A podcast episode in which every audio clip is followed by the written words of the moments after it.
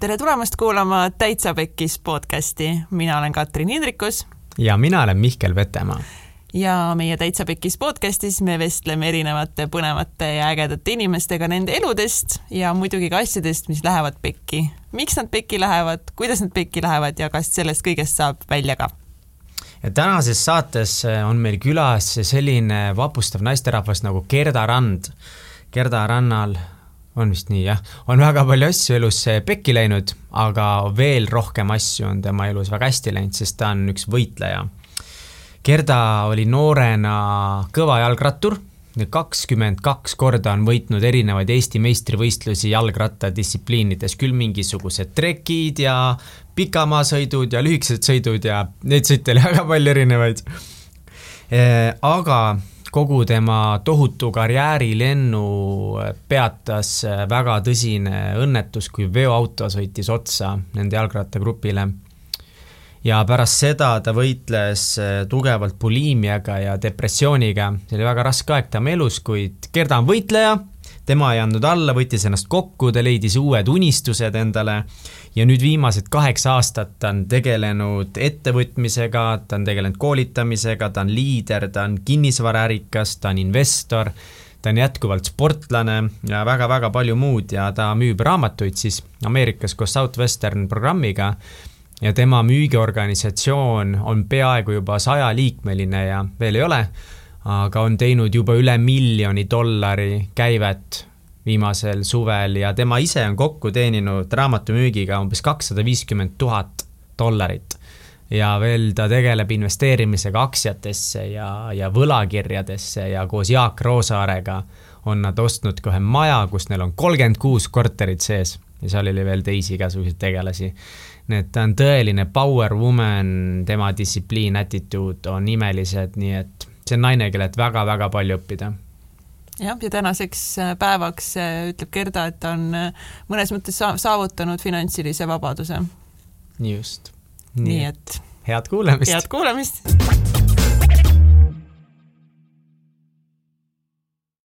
tere tulemast, kallid kuulajad, järjekordne Täitsa Pekkis podcast on käes ja täna on meiega selline imeline vapustav naine nagu Gerda Rand tere. tere, Gerda. tere, tere. tšau, Gerda tuli täiega ilusa roosa kleidiga meile siia täna, et teil oleks hea ilus vaadata jah. aga pärast teeme paar pilti, siis näete kindlasti. ja kindlasti vaadake meid Instas ja Facebookis ja. ja no raudselt juba kõik vaadanud tegelikult parem oleks ja, aga hüppame kohe teemasse. mind hakkas see asi nagu huvitama, et ähm, mitu aastat sa sõitsid rattaga? Kaheksa? kaheksa kuidas saab kaheksa aasta jooksul saada kahekümne kahekordseks Eesti meistriks mm? -hmm. ma tegelesin siis äh, kõikide aladega, et nii trekiga, äh, maastiku, jalgrattaspordiga ja siis maanteel ja meil on neid tiitlivõistlused noh, igal aastal, eks ju, et trekis on seal mitu, on jälitussõit ja sprint ja, ja noh, maanteel on eraldi stardigrupisõit ja ja maastik, et siis nendes kõikides erinevates klassides siis erinevatel aegadel siis olin okay. numbriks no mis, mis vanusest peale sa hakkasid võitma? võitma, äh, Eesti meistri, noh, ütleme noorte tasemel ma hakkasin, kui ma olin kolmeteistaastane, ma hakkasin nagu kõige noorematest sealt, kümneaastane ma olin, kui ma esimestel rattavõistlustel üldse käisin yeah.. aga kolmeteistaastasel ma hakkasin siis nagu tiitlivõistlustel mingit noor, noorteklassis seal kuskil, et käima mm. -hmm. miks sa nii hea olid uh,? tegin kõvasti nägin vaeva, äh, tegin, äh, tegin trenni, äh, mul olid suured eesmärgid, siis kus Tallinna klubi mind nagu sealt Raplast avastas ja, ja kutsus siis tiimi, siis mul oli suur, suur visioon siis tullagi olümpiavõitjaks ja teha suuri tulemusi ja ma nägin ennast nagu maailma tasemel tippsportlasena.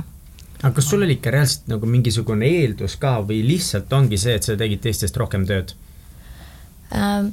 Noh, treeneri jutuga olid ikka, eeldusi oli ka päris palju, et selles mõttes, et, et ma tehniliselt olin nagu teistest võimekam nendes rasketes olukordades, siis minul nii-öelda oli see vastupidavus vaimselt ja oli nagu tugevam kui teistel, nii-öelda see valutaluvuslävi oli hästi kõrge. päris äge. oota, kas trekk on see, ma just kas... Erika Salumäe tuli. ja, ja, ja see on see, kus sõidaks kaardus raja peal ja. just, just jah, see vitra, jah, sihuke vitraaž siis jah. ja, ja siis seal üleval täitsa kuidagi sa oled nagu mingi püsti lausa või? ma mm. -hmm. kuidas see, kuidas seal ümber ei kuku üldse? see on üks kummaline ala minu jaoks alati olnud. jah, trekiratas on niimoodi, et seal vaba käiku ei olegi, et sa pead kogu aeg väntama, et kui sa väntamise lõpetad, siis sa käidki üle. et tegelikult, et, et sa peadki kogu aeg väntama, muidu sa kukudki.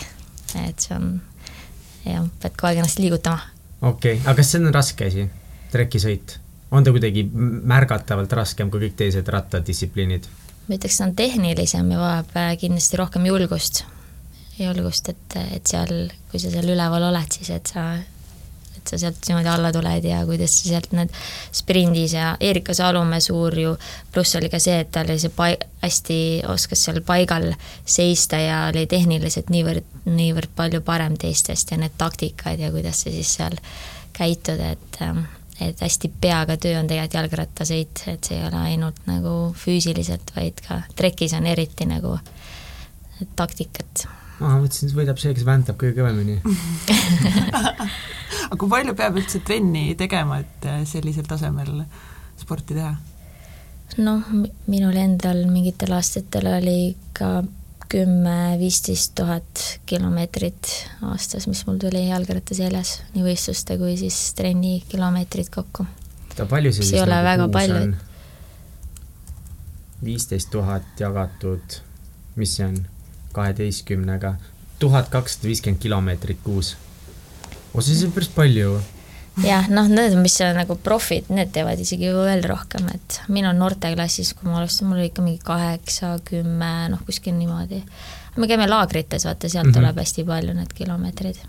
aga kuidas sa avastasid rattasõidu enda jaoks? ma olin äh, sugulaste juures ja siis äh, sugulased mõtlesid, et oh, et lähme siis sinna maakonnavõistlustele, mõtlesin, et, et oh, okei okay,, et ma tulen siis kaasa. ja siis me olime ka, mina ja minu täditütar olime kahekesi, olime seal nii-öelda noorteklassis tüdrukutest, siis olime rajal ja siis ma võitsin ära ja sain auhinna, mõtlesin, vau, kui äge nagu, et davai, et lähed lihtsalt võistlema, saad auhinda ka ja. siis sa olid kümneaastane? jaa, kümneaastane, siis mõtlesin wow., nii äge, see oli niisugune nagu social event nagu, et lähemegi sõpradega, lähme võistlema metsa sihuke äge, rattaga mulle meeldis kogu aeg sõita, et ma olin seal Raplast pärit, et seal küla vahel nagu kogu aeg sõitsime ratastega, jõudsime ühest linna otsast teise, siis kui me sõpradega ringi seal chill isime. okei okay,, et esimest korda võistlustel ratta selga ei saanud päris et, et see oli nagu lahe, sealt tuli nagu hakkasin käima võistlustel ja siis oli Kohilas oli jalgrattaklubi, siis mind kutsuti sinna ja siis sealt hakkasin nagu tiitlivõistluste käima ja siis Tallinna klubi mm, Kalev jalgrattakool nagu kutsus mind siis enda ridadesse ja ja sealt siis nagu niisugune. aga kas sa olidki siis nagu enda vanuste seas või naistes üldse siis tol hetkel kõige parem või Eestis? no mul olid erinevad konkurendid jah, et seal ikka sai ikka rinda pista seal erinevate naistega, et no kakskümmend kaks tiitlit, kas mõnel oli veel rohkem siis või? aga kindlasti on praeguseks on siin ei, ma mõtlen nagu selles ajavahemikus ma ei tea, kunagi ei pidanud nagu scoreboard'i nagu teiste oleks võinud see oli mingi kakskümmend kaks tiitlimedalit, see võiks juba pidada mingit scoreboard'i. ma sain aru, et sa pidid päris palju meestega koos äh, tre-, treenima.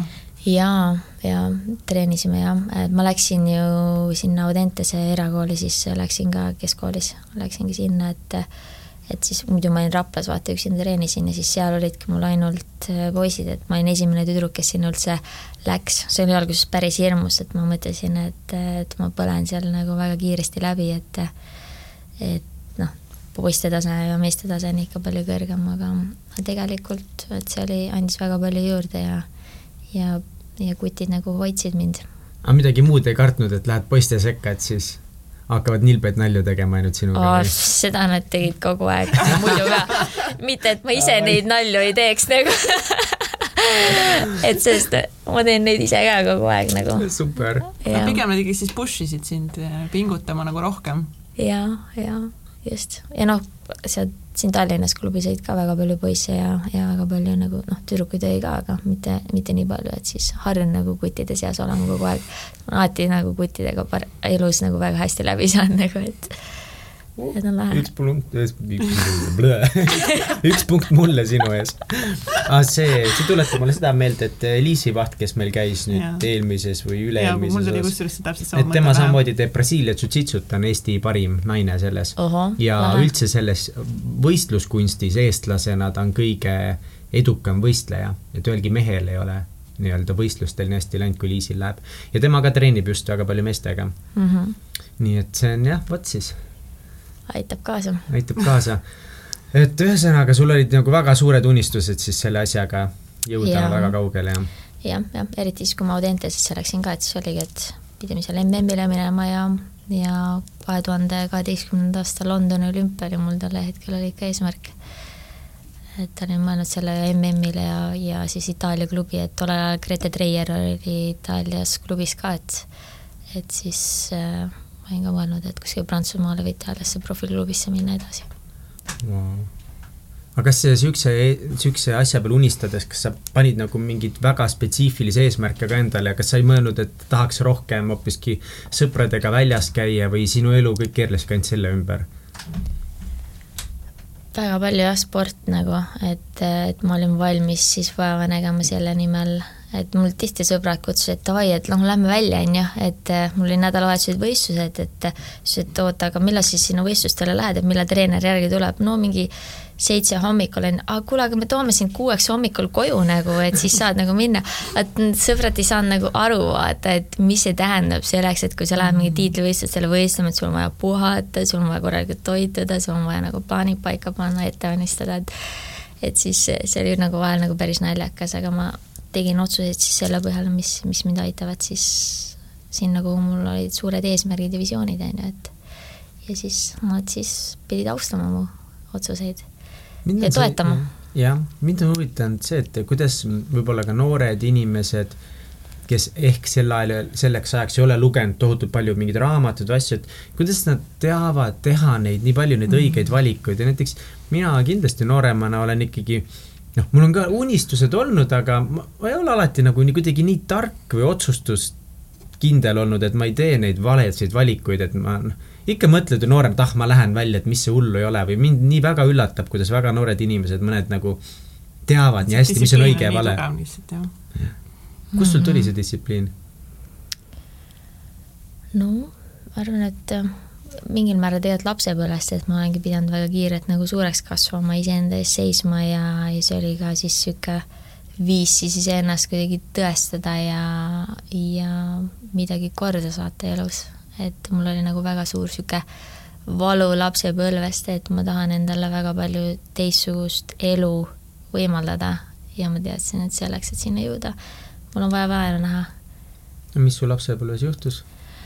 no ma, see on niisugune, ega väga palju ma ei olegi sellest kunagi nagu rääkinud, et äh, küll mu jah, isa oli mul äh, vägivaldne minu emaga, on ju, et et, et noh, tarbis alkoholi väga palju ja, ja oli nagu vägivaldne, kus me pidimegi, olidki mul siiamaani meeles mingid hetked, kus me jooksimegi õega emaga kuskile metsa peitu isa eest ja onu tuli järgi ja, ja viis meid siis enda juurde, on ju, isa eest ära ja et, et jah, et see oli nagu väga raske periood, ma mäletan seda siiani. aga ma olen noh, praeguseks isale nagu täiesti andeks andnud, et äh, tema on osanud enda elu elada nii nagu, nagu tema ja aga, aga ma arvan, et see niisugune pool oli mul väga suur valukoht, et mina kavatsen endale luua teistsuguse elu ja, ja teistsuguse pere ja ja ma tahan paremat enda lähedastele ja rohkem pakkuda, et äh, ei olnud ka mingi mega, kuna ma kasvasingi siis emaga vaata koos, et ei olnud nagu mega rikkast perest vaata ei tulnud, et ma ei saanud tihtipeale kuskile klassiekskursioonidele minna või sest polnud lihtsalt rahaliselt võimalik minna kuskile klassiekskursioonidele või midagi, et siis see oli nagu nii suur valu, et, et, et ma loon endale teistsuguse elu. Valu paneb inimest liikuma õiges suunas ja ja nagu öeldakse, et ei ole ühtegi edukat inimest eh, lihtsa minevikuga või, midagi niisugust mm, Mhm. -hmm. et et, et see on kindlasti olnud minu väga, väga suur koht, kus ma olen siin praegu, kus ma olen tegelikult, et et ma olen tänulik nendele kõikidele siis katsumustele, mis mul on elus olnud ja on andeks andnud nendele, et eks, eks ikka mingid asjad tulevad ette jälle ja siis jälle tegeled nagu mingite lapsepõlve taagadega, et ja lasta lahti minevikust ja nendest lugudest, millest me tihtipeale tahame väga, väga tugevalt kinni hoida. aga kui, kui pikk oli see protsess või kirjelda seda protsessi nagu, kuidas anda andeks oma isale kõige selle eest, mis ta nagu oli siis äh, teinud äh, sulle ja su emale mm.? Noh, ma, ma arvan, ma teadlikult hakkasin sellest rohkem aru saama, kui ma olin nagu, olingi tiinekas, eks ju, et et äh, mis see kõik oli või noorena see noh, ei, ikka, ikka ma käisin kogu aeg, olin isa juures, ma olen tegelikult mega tänulik talle, sest tema, tema abiga. Ma lõpuks saingi ka väga palju sporti teha, on ju, et sest ähm, ta võimaldas mul need rahalised, rahalised võimalused siis lõpuks, on ju, et aga, aga noh, ma ei tea, ma jah, ma ei tea, kuidas see küsimuse mõte oli seal täpselt. et kuidas kuidas andeks andeks või? jah, andeks andmine. jah, no ma ei tea, lihtsalt väga teadlik, et ma tean, et ma pean lahti laskma sellest minevikust, et kui ma tahan endale tervislikku peremudelit tulevikus luua, siis mul on vaja andeks anda enda vanematele, sest muidu me loome endale täpselt samasuguse oleviku, kui me hoiame kinni sellest mingi mineviku asjadest, eks. kuidas sa nii tark oled? elu on õpetanud jaa, aga nagu tarkus on eluõpetustest lugeda õpetus välja. jah. kuule, see on, kas see on mingi minu tsitaat või? kas see oli praegu mu esimene tsitaat või? pange kirja, palun võib-olla tõesti mingi. et see on, see on hämmastav, see nõuab väga suurt niisugust isikutugevust küll, jah, iseloomu. Jah aga kas sa olid äh, lapsena rõõmus laps? ma arvan küll jah, ma ei püsinud nagu paigal, ei olnud nagu jah, üldse, kogu aeg käisin, tegin, olin niisugune hästi sotsiaalne, ütleks. et, äh, et jah. aga siis äh, natukese aastaid edasi, sa olid jalgrattakarjääris juba päris palju jõudnud. räägi meile sellest hetkest, kui siis kõik muutus jälle mm. -hmm. see on see minu järgmine pekki minek. Järgmine pekki minek, just. Et see oli jah, see oli mul äh, parim aasta tegelikult jalgrattaspordis, see kaks tuhat seitse aasta, äh, kus ma siis olingi Lätis ain võistlemas käinud ja, ja niisugune väga, väga edukas aasta oli ja MM-ile pidin minema, kui wow. siis ähm, kahe tuhande seitsmenda aasta viieteistkümnes august oli siis see päev, mis, mis muutis mu elu täielikult, et äh, me olimegi treeningul enda Kalevi jalgrattakooli treeninggrupiga me olime vist mingi kaheksakümnekesi olime treeningul äh, Jõelähtme, see Tal-, jah, Tallinna-Narva maantee, kus on see mhm. kolm, nii-öelda kaherealine ja see kolmas rida. ja siis me treenisimegi seal ja ilus päikseline ilm, mega mõnus, tegime just äh, lõigutrenni. mis see tähendab?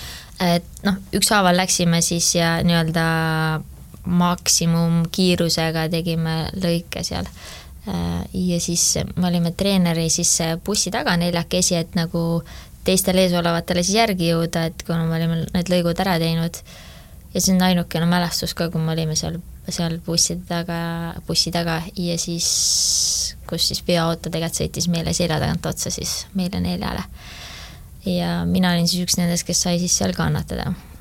et ma olin jah koomas, mul oli koljulumurd, ajuturse et vaakasin elu ja surma vahel. issand, mis selle veoautoga juhtus? Äh, sellel noh, nüüd hiljem äh, noh, meil olid kohtuprotsessid väga suured ka sellega, et ähm, ta oli sõidumeeriku rikkumine, et ei teinud ta puhkepausi, kui ta pidi tegema ja ilmselt siis niisugune sirge tee, päikseline ilus ilm, ju siis jäi siis magama, et wow. aga noh, jah. ja ta tuli siis, te sõitsite rattaga nagu õiges suunas. jah, aga me olime seal teisel pool pidevat joont, kuhu tegelikult veoautol või noh, üldse auto jah, pole asja ainult, et mm -hmm. peatumiseks on ju, või kui on mingi probleem, et see on kõige noh, hea turvaline, seal lai, saime siis seal ilusti trenni teha. ja kõik neli teite siis selle veoauto alla äh,? jah, noh, alla me päris no, ei jäänud, sest siis ma ei oleks siin, aga nagu ma tagantjärgi aru saan või treenerid, kui ma kuulsin, kuidas see oli, et me olimegi pannud siis peadega sinna bussiakendesse ja siis, kes need seal ees olevad, mis nad ütlesid, et nemad nägid ainult suurt tolmupilvi, kus rattad lendasid, inimesed lendasid, ja, ja siis lõpuks oligi see, kus, sest treener, need grupp oli ees ka ja treener, see, et treener oma bussiga teistele gruppi ees, et otsa ei sõidaks, siis läks rohu peale sinna täiesti tee kõrvale ja siis eesolev grupp, nad ütlesid, nad vaatasid, mis, mis treeneril viga hakkas, et ta nagu nüüd siin rohu peal ja külje pealt sõidab meile nagu ja siis vaatasid seda tolmupilve ja kõike, mis treener nägi seda veotut tulemas? Äh, ei noh, ta nägi, et veok sõidab mm, -hmm. aga see hetk, et ta meile nüüd sisse mm -hmm. kuidagi vajus, noh, seda keegi ei, noh, treener ikka väga hästi nagu ähm, kontrollis selle olukorra ära, sest muidu see oleks võinud veel õnnetum olla, et kui ta oleks ise selle bussiga veel eesolevatele otsa sõitnud mm. -hmm. Wow. et, et see no, oli mis siis juhtus, ta sõitis teile otsa, te kõik lendasite sinna kuskile põllu peale neljakesi? jep, äh, jep, et, et jah ja ega mina rohkem väga midagi ei mäleta, ma mäletan ainult valgust, mäletan nagu noh, ilmselt õige päiksene ilm, seal oli mu klubikaaslane, keegi, kes oli mul kiir-, kõrval ütles, et Mariannile tehakse kunstniku hingamist. see on ainukene minu mälu sellest hetkest ja ülejäänud on nagu blank. kes et seda ei, tegi, kunstniku hingamist? ilmselt treener nagu, ilmselt treener, ma, ma ei, ma ei tea, ma ei mäleta ka mm, -hmm. kunagi keegi on vist rääkinud, kus kuidas või kes tegi, aga aga see oli, see oli jah, päris, päris karm ja noh, minul algul vist pealtnäha ei tundunud nagu, et olekski midagi, aga siis, kui ma olin vist kiirabiautos olnud, siis olid krambid tekkisid. Et see ongi sellest ajukahjustusest, eks ju, ja siis, siis kus siis haiglas avastati, et, et niisugune kaljulumurd ja siis need tulid uu-, need kramp, suured krambihäod ja, ja sealt siis pandi mind siis äh, kooma. Oh.. no mis on sinu jaoks järgmine hetk, mida sa mäletad? Äh, siis oli, kus ma ärkasin ülesse ja oksendasin mingit rohelist vedelikku, mis on vist see maahape või, või, ja verd, sest need voolikud, mul olid vist, ma olin igast voolikuid täis olnud, et siis lihtsalt sellest oksendasin ja ajukahjustusest vist ka selle tagajärjel, aga mäletan, mul oli ema kõrval ja tahtis mulle seda hingamismaski panna, ma ütlesin, et see on mingi laste oma, ma ei saa siit mingit õhku võtta ära, see, et ma ei saa midagi, midagi sellest ja ja siis, kui ma üles ärkasin, noh, ma ei saanud siis ka veel midagi aru, et need esimesed päevad ikka jah, oksendasin seal ja midagi ei saanud aru, aga kui ma siis ärkasin üles, ma pea valutas ja siis ma mõtlesin, et kuulge, aga et laske mind nagu koju, et mul nagu nädala pärast on mul nagu meistrivõistlused, pidin Soome meistrivõistlustele minema, et ma mõtlesin, noh, lihtsalt pea natukene valutab, et küll mul läheb korda kõik, sest ma ei saanud aru, mis oli toimunud, vaata. Yeah et see, et siis mul seal see kirurg ütles ka seal reanimatsioonis, et, et kuulge, et kui sihukest juttu räägite, siis me paneme teid siia voodi külge kinni nagu, et et, et see oli jah sihuke valus arusaamine, mis päriselt oli toimunud ja siis ma vaatasin enda pead ja siis mul oli pea oli, pool pead oli kiilaks aetud ja sest, sest mul oli kõik see sunt ja kõik asjad olid peas, mingid voolikud tulid peast ja, ja mingi oh nägu oli paistes, mul on pilt, kus ma olin nagu mingi topeltnägu. üldse siis mingi verevalumid igatpidi, et. mida sa sel hetkel tundsid? Ma ei osanud midagi tunda ausalt öeldes, sellepärast et ma lihtsalt ei saanud aru, mis oli toimunud nagu. Et siis, kui ema nagu ütles, et niisugune õnnetus juhtus ja tegelik, et, et sa oled õnnelik, et sa oled üldse elus, sest mulle elulootust ei antud, et kui turse alaneb, siis, siis ma jään ellu ja kui turse ei alane, siis, siis ma ei jää, vaata, et arstid ei saanud nagu väga sealt midagi, seda olukorda vaata noh, no seda aju, see koliikurid või mis seda vedelikku, mis nad siis väljutasid, et see turse läheks alla või kui ma õigesti mäletan mm. -hmm. ega seal muud väga midagi teha ei olnud, et, et läks õnneks, et ma olen tänulik, et ja. ma olen elus, et ma olen siin teiega siin see on tõesti imeline. kaua sa olid siis haiglas? haiglas ma olin tegelikult vist olin kaks nädalat ainult mm. -hmm. et ma tahtsin jah välja saada sealt et.... korra, vabandust, küsin korra veel, et mis vigastused sul veel olid? jah äh,, muud väga midagi ei olnud, kui see, et ma kaotasin enda lõhna tundmise jah, et tollel hetkel, et ma, see oli niisugune suur avastus, et, et kuna koljulu murde oli mul selles kohas, kus see lõhna tundmiskeskus ajus on, et siis sealt see lõhna tundmine oli ka, oli kadunud, ma, oligi, ma tehti mingeid teste ja ma nuusutasin, ma ei tea, bensiini või küünelakke, et nagu mitte midagi, et need, kui inimesed mul seal puuksutasid kõrval, ma ei saanud muhvigi aru et, et, et see oli niisugune nagu päris, päris crazy, toidud ei maitsenud, vaata siis enam noh, sest ja, toit ja lõhn on seotud oma mm -hmm. hästi vürtsikaid toite hakkasin sööma, nii et ma söön väga palju vürtsikaid toite. aga kuidas praegu on? No praegu ma juba tunnen nagu avastan maailma, et ongi, kui ma jälle tunnen mingit uut lõhna, siis on vau kui äge vaata, et et kui mõni teine mõtleb, oota, mis sul nüüd hakkas, et see on ju nii tavaline lõhn, et siis mina nagu avastan uuesti maailma ja neid maitseid vaata, et kui ma midagi tunnen et, et jah, arstid ütlesid, ma ei hakka kunagi enam lõhna tundma nagu. see oli aga... üksteist aastat tagasi? jah mm -hmm., jah, aga ma ütlesin, et au, au show you ma näitan, ma käisin nõelravis ja ma tegin hästi palju erinevaid siukseid teraapiaid ja siukest ähm, alternatiivset meditsiini. aga mis sinu spordist sai?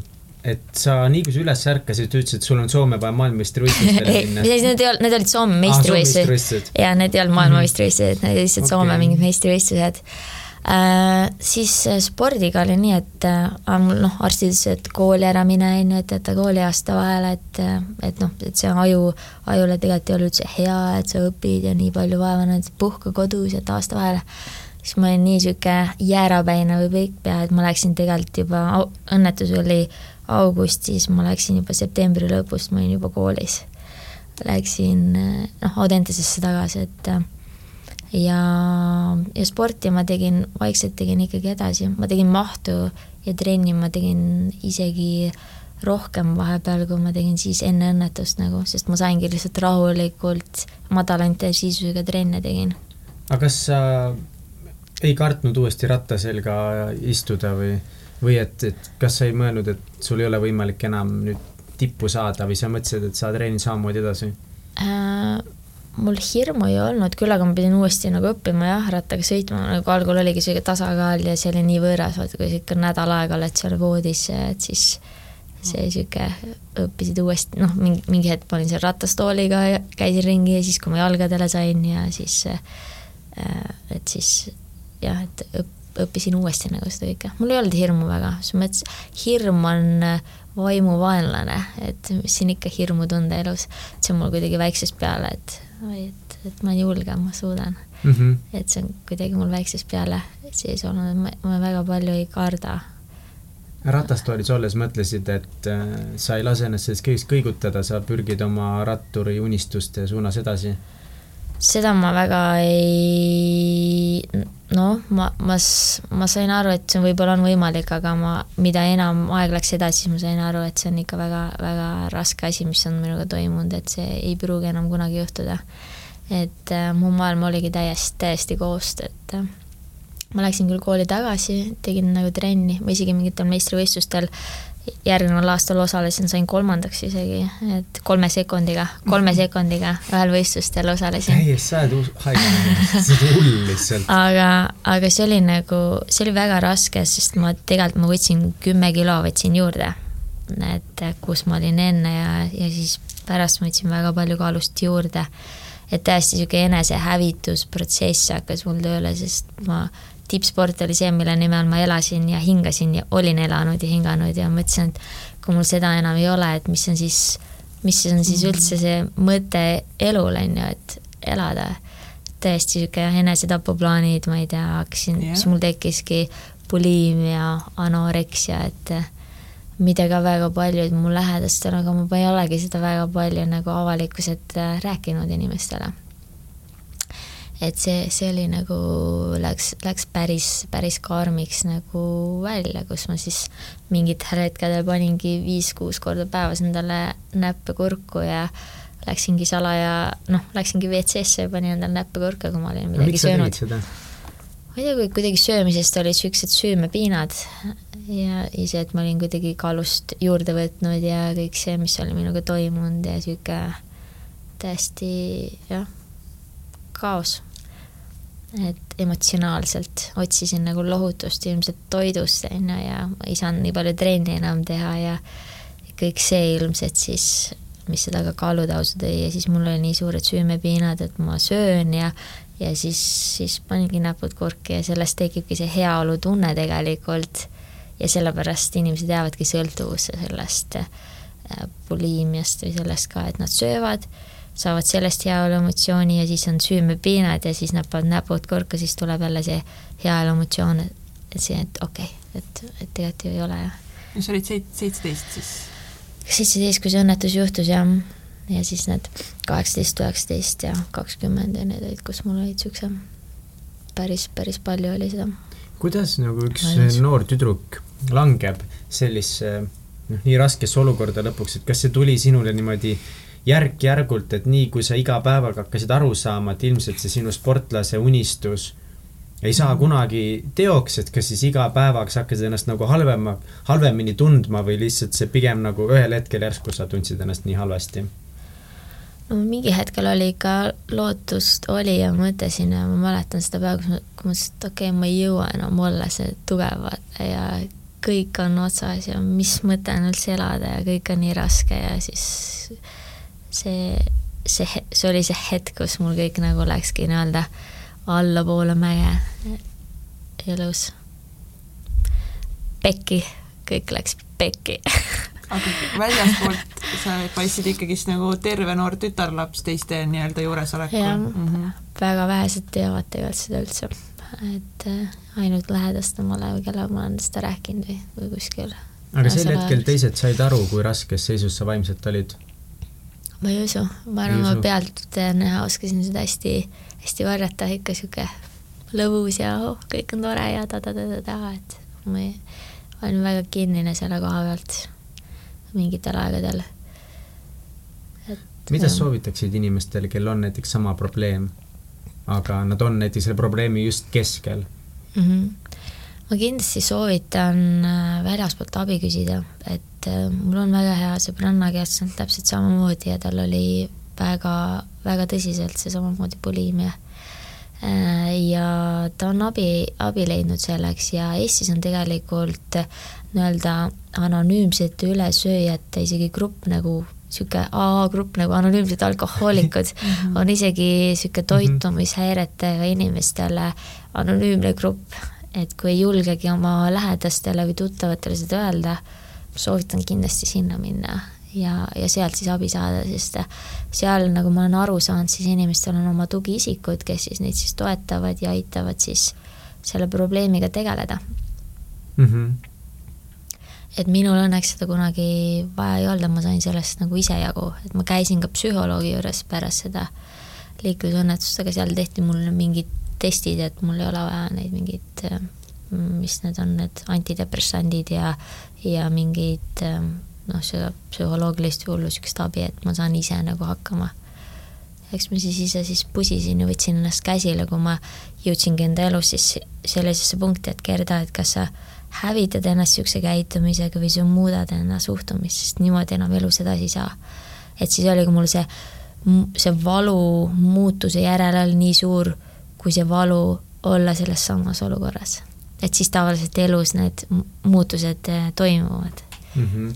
et, äh, et siis, siis see oli jah, ma tekitasin ennast niisugust väga suurt jah, valu sellest. nagu ongi elus väga palju valu on tegelikult see, mis meid siis edasi, edasi viib, et siuksed erinevad pekkiminekud siis see on natukese nagu noh, võib-olla halb metafoor, aga tegelikult see on samas, et et inimesed ei tee mind, näiteks mingi kodutöö ärategemine, et sa ei tee oma kodutööd ära, kuni üks õht on jäänud. et yeah. see on natuke samamoodi, et lihtsalt siis on see nii-öelda see valu või see vajadus on juba nii suur yeah., et sa siis tead, et sa ei saa edasi lükata, et natuke see on nagu nende asjadega samamoodi, et lõpuks on see valu nii suur, et sa näed, et noh, et kui sa nüüd kohe midagi ei muuda, et siis lihtsalt su elu hävib. jah, just, just, ma aga kui sa oleks abi palunud, kas sa arvad, et sa oleks võib-olla kiiremini saanud selle olukorraga hakkama või oleks see sind aidanud kuidagi? ma arvan küll, ma arvan küll, et oleks, kindlasti. lugesin seda Aigi Vahingu raamatut, ma tean, sellest sain nagu ka inspiratsiooni, tal oli ikka noh, väga sügavalt see, kus ta siis läks narkootikume hakkas võtma, et, et sellest äh, nagu läbi töötada, on ju, ja ja jah, et, et mul õnneks sinnamaani nagu ei läinud need asjad, aga ma arvan kindlasti nagu, et, et kindlasti oleksin võinud olla vähem põikpäisem ja, ja, ja küsida nagu abi, et et võib-olla ei julgenud, noh jah, ma ütlen küll, et ma olen julge kogu olnud, aga vot selles olukorras praegu tuleb välja, et tegelikult ei olnud nagu nii julge, et seda tunnistada teistele, et ikka häbi vaata, et oh my god, niisugust asja teed, sest sellele vaadatakse väga tagurpidi, vaata, et oh, miks sa niisugust asja teed. näed ju nii normaalne välja, kõik on ju hästi, vaata, sest inimesed ei saa seda aru, kes ise selles kunagi sees ei ole olnud ja siis ei, ei olnud nagu neid mõttekaaslasi, mul ei olnud nagu keegi, kes, kellel oleks seesama probleem olnud. kui ma oleks võib-olla teadnud, teadlik olnud sellest grupist tollel hetkel, võib-olla oleks tõesti saanud sealtkaudu ka abi selles mõttes, et see on nagu kummaline, et sa, või tead, ma saan aru, et inimesed tunnevad häbi selles olukorras ja see ongi nagu normaalne, aga teistpidi, sul on justkui ju iga õigus või jumala hea ettekääne on öelda, et nagu, et mis asja, et mina ei ole süüdi, et ma ennast nii halvasti tunnen, vaadake, on ju, mul oli unistus, ma nägin vaeva, siis maailm tegi minuga niimoodi. kas sa vahepeal olid maailma peale ka kuidagi pahane või? ikka mõtlesin, et come on, et, et et miks mina nagu, et, et miks mina, et mul oli kõik oli nagu välja mõeldud täpselt, kuidas, kuidas, kuhu ma tahan jõuda ja, ja see, et et miks just mina pidin olema see, kes siis selle nagu läbi, läbi elas, et no niigi palju igast pekkiminekuid elus olnud lapsepõlvest juba ja väiksena põletasin enda jala ära, on ju, ja noh, igast asju vaata elus toimunud, et miks jälle mina nagu, milleks mul seda vaja oli. et siis see ikka, jah et, et see, see, see küsimus viiski mind, ma arvan, veel rohkem nagu sellesse negatiivsesse, et. Aga kui sa ütlesid, et sul olid enesetapu mõtted, kuidas sa mõtlesid, et sa ennast ära tahaksid tappa? see kunagi vist isegi selle nii hullult mm -hmm. tiivi tee, ma mõtlesin, et okei okay,, ma ei tea, mingeid asju, ma ei tea, kas, ma ei tea, mingi ma ei tea, õnnetus või ma ei tea, võtan midagi või mis iganes, et on kunagi äh, see mõttetasandilt teole see kunagi ei läinud, see oligi lihtsalt äh, mõte. Õnneks mm, -hmm. õnneks, õnneks, õnneks, et et ma ausalt öeldes ei mäleta, kuidas see täpselt äh, mul nii tiivilt oli, aga ma jah, ma mingit, ma arvasin, mõtlesin mingit õnnetust luua või mis iganes asja mm. -hmm. aga kas sa said, kas sa oled sellele küsimusele vastuse välja mõelnud, et miks just sina kas sa hiljem oled sellele mingisuguse vastuse enda jaoks mõelnud, et miks just sinuga need asjad juhtunud on? ma arvan, üks, üks on kindlasti see, et äh, aidata, õpetada, ma arvan, teisi, kuidas niisugustest raskustest siis üle saada, et, et mina saan olla see, kes siis saab olla võib-olla kellegi teisele inspiratsiooniks, kes on selles samas olukorras ja ja ollagi siis see teeraja ja näidata, et niisugustest asjadest tegelikult on väljapääs. ja ma ise usun, et elus kõik juhtub mingil põhjusel. et ma arvan, et äh, elul oligi mulle nagu teine, teine suund, et mm, -hmm. et siis läbi praeguse, mida ma praegu teen, olles siis mentor noortele äh,, ma saan nii palju teiste noorte elu äh, positiivseks muuta või aidata neid, et et siis ilmselt siis see ongi jah, jumalal oli nii-öelda mulle teine suund teine siin elus, teine plaan. Aga ma ei ole seda veel maha matnud, et ma veel, ma veel, ma kavatsen küll siin saja kahekümneseks elada, hea mhm. tervisega, äge mutt olla ja siin veel veteranide olümpiamängudele minna. ma ei tea veel, mis spordialaga, võib-olla on see kabe või male või ma ei tea, äkki jalgrattasport, aga aga ma ei ole seda olümpiaplaani maha vaadanud, et, et miks mitte It's never too late jumala õige, ma lugesin su seda eesmärkide yeah. nimekirja küll, mis sul oma kodulehel oli mm.. Ah, cool. see oli ikka päris korralik, mulle see sada kakskümmend meeldis vähemalt. ja, ja. vähemalt sai kahekümne, minimaalselt. muidugi, muidugi. sul oli mingi küsimus või? Ei, mul oli lihtsalt üks, üks mõte seoses sellega, üks, üks, ma praegu nime ei nimeta, aga üks ka inimene, kelle, kes meil podcast'is on käinud ja kes tõenäoliselt tuleb seda lugu jagama meile, meie konverentsile, siis temaga me arutasime ka, et äh, elas läbi ka hiljuti ühe väga sellise korraliku asja oma elus ja siis ta rääkis ka enda coach'iga ja siis coach ütles talle, et aga äkki sa kutsusid ise endale selle ellu selle õnnetuse ja see tundus alguses kuidagi, arutasime nii, nagu nii karm asi, mida nagu öelda, et sa ise kutsusid mm -hmm. selle õnnetuse endale ellu. ja kui me hakkasime arutama, et siis võib-olla see ongi niimoodi, et aga mis on sinu eesmärk elus, inspireerida teisi, olla eeskujuks, aga läbi mille sa saad inspireerida teisi ja olla eeskujuks? nagu kõige paremini läbi enda valu ja selle, mida sa üle elad just. et äh, me peame ettevaatlikud olema sellega, mida me paneme välja universumisse. absoluutselt, täiega nõustun. Kui ma, noh, ma olen mõelnud, kui ma sõitsin ka ju, ma olin väga palju mõelnud, et veoautod mega lähedalt sõidavad meist kogu aeg mööda, olin mõelnud, et aga mis siis, kui ta meile otsa sõidab, vaata, et tegelikult on, oli see väga mitmeid kordi peast läbi käinud, vaata. et siis äh, jaa, just. ma olen samas ma usun täiesti sellesse väga jah -hmm., ma olen kuulnudki inimesi nagu niipidi mõtlemas, et et väga palju ongi nende edukate inimeste lugusid, kellel on see mingisugune väga suur valu ja raskus olnud. ja siis on nagu inimesed mõelnud, et nojah, aga et noh, et kas ma ei saagi teistmoodi edukaks saada, siis kas mul peabki see suur valu olema või umbes, et on, on ka leitud sellest nagu mingisugust ettekäänet või head põhjust, et miks ma ei ole edukas, aga mul pole nagu nii suurt valu olnud, mis mul aitaks edukaks saada ja ma olen ise täpselt sama asja mõelnud. ma tean, et, et mingi hetk lugesingi nii palju edukate inimeste elulugusid ja kõigil tuli välja umbes see mingisugune suur valu, millest üle saada mm. -hmm. mõtlesin, et kurat, aga mul ei ole seda suurt valu ja kuidas ma edukaks saan. ja siis pärast seda asja hakkas kõik allamäge minema no vot kutsusid endale jälle selle. jaa, aga no loomulikult minu valu ei ole nii suur kui mõnel teisel, eks ole, aga ikkagi ma nagu tunnen, et mul on väga raske praegu leida uuesti enesekindlust unistamises ja olla enesekindel endale eesmärkide seadmises, aga, aga kuidas sina uuesti õppisid siis unistama või uuesti, kuidas sa leidsid mingisugused järgmised eesmärgid oma elus, et mis siis edasi sai? Mm? -hmm siis, kui ma Audentese lõpetasin, siis äh, noh, ma tegingi otsuse, et okei okay,, et tippspordiga ma ei jätka, äh, siis ma läksin aastaks üldsegi Ameerikasse lapsi hoidma. Et äh, siis ma ei teadnud, mida ma õppima tahan minna ja, ja noh, mõtlesin, et see keskkonnavahetus võib-olla teeb mulle nagu head. et versus see, et ma näen, kõik teised võistlevad ja siis mina olen siin nagu omaette. et siis läksin Ameerikasse see oli väga sihuke äge, äge aeg, said kõik nagu New Yorgi lähedal elasin seal, et New York on nagu teine kodulinn, et said kõik seiklused seal teiste au pair'idega ära tehtud äh, Ameerika peale, et ja reisida palju ja kogeda ja see oli lahe. siis ma tulin Eestisse, siis ma olin alati mõelnud, ma olin tegelikult alati väiksest peale mõelnud see pein, vaata, et ma tahan enda teistsugust elu.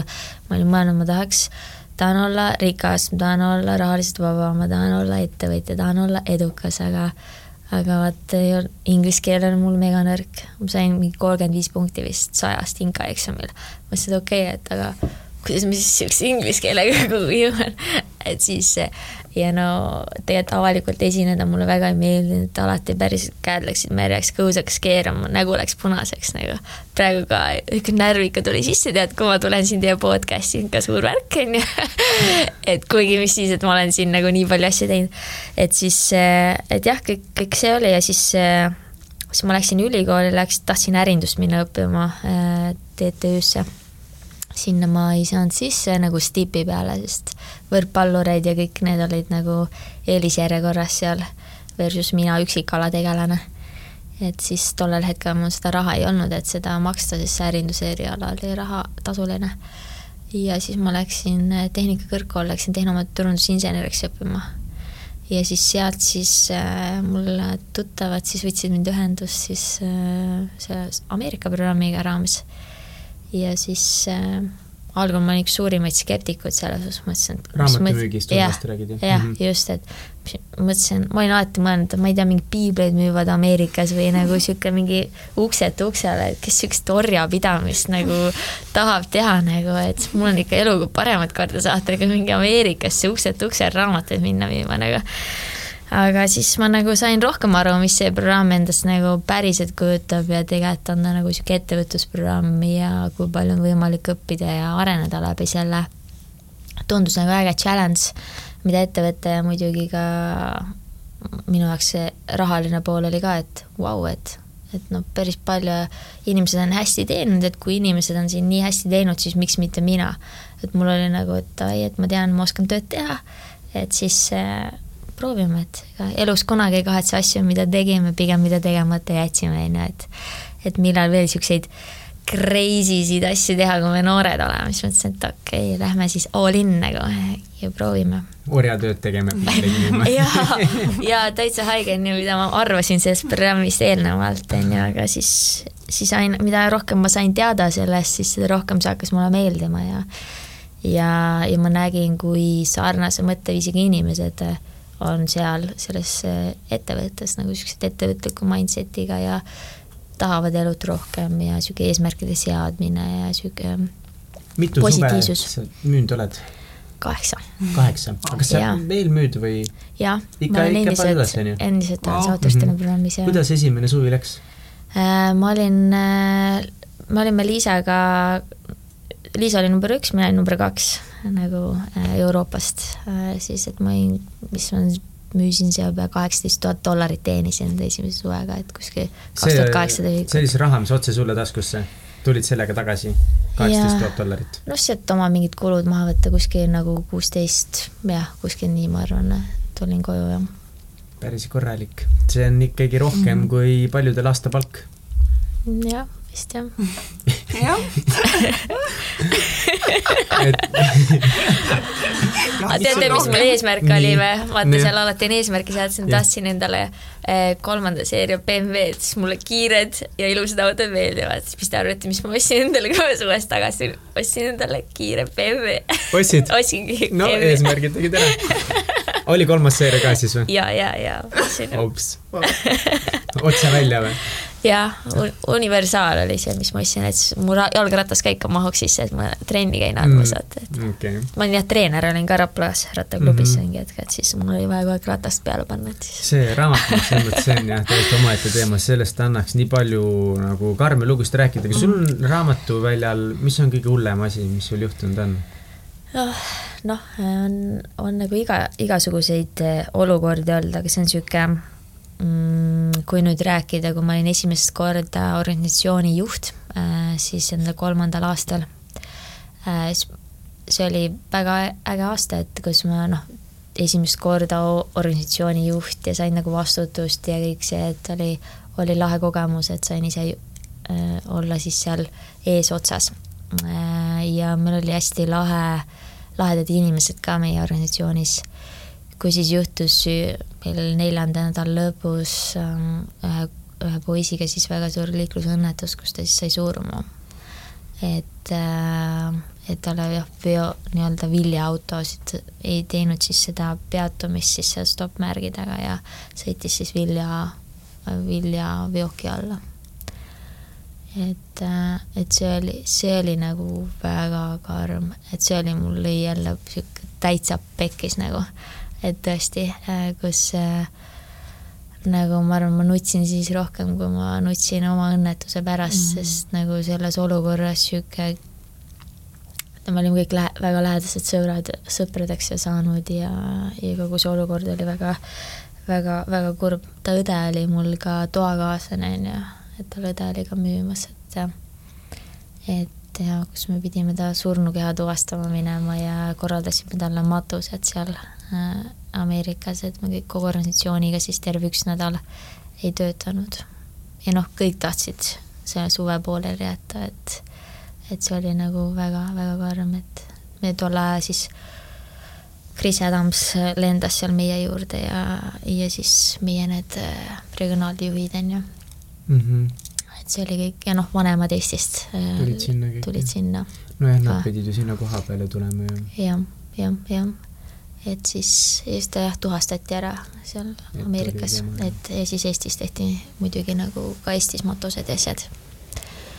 et, et see oli nagu väga, väga, väga karm. aga.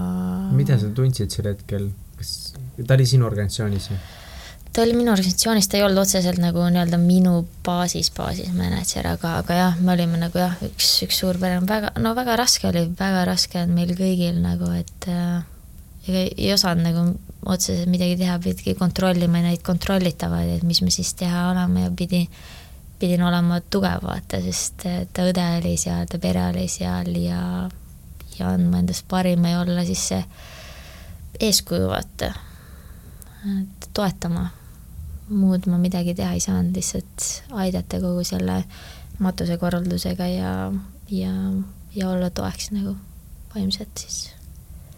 Kas kõik jätsid siis suve pooleli või läksid tagasi? me tegelikult kogu siis äh, organisatsiooniga otsustasime, et me Jaani nimel teeme selle suve lõpuni ja, ja tegimegi. et see oli, see oli niisugune, oli väga raske, et tollal jah, jah, see oli väga, väga raske, on ju, aga aga tegime jah, kõik ilusti, ilusti lõpuni ja, ja pärast õde tuli, pärast lõppu tuli veel meile sinna Ameerikasse siis meiega, meiega nagu chill ima ka, on ju, et tuli tagasi meie juurde. väga-väga lähedaseks saime kogu perega ja siin iga aasta saame uuesti kokku ja mm. -hmm. jah, perega uh,. see on, see on nii see on nii ja lihtsalt vahepeal elu juhtub kuidagi või? ei oskagi midagi öelda selle kohta. nagu ja. ma ei tea, kas niisugusest kohast nagu peab leidma, aga kas, kas selles oli mingisugune õppetund ka sulle?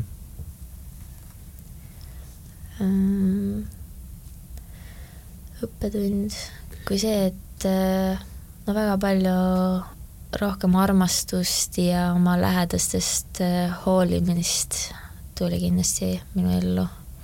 ja arusaam tegelikult, kui üürike see elu on, et me räägime siin jutte, teeme suuri plaane, aga, aga mis siis, et siin ka täna võib olla meie viimane päev, vaata, et, et tegelikult olla tänulik nendele lähedastele, kes on meie ümber kõigile inimestele ja, ja kõigele, mis meil on meie elus.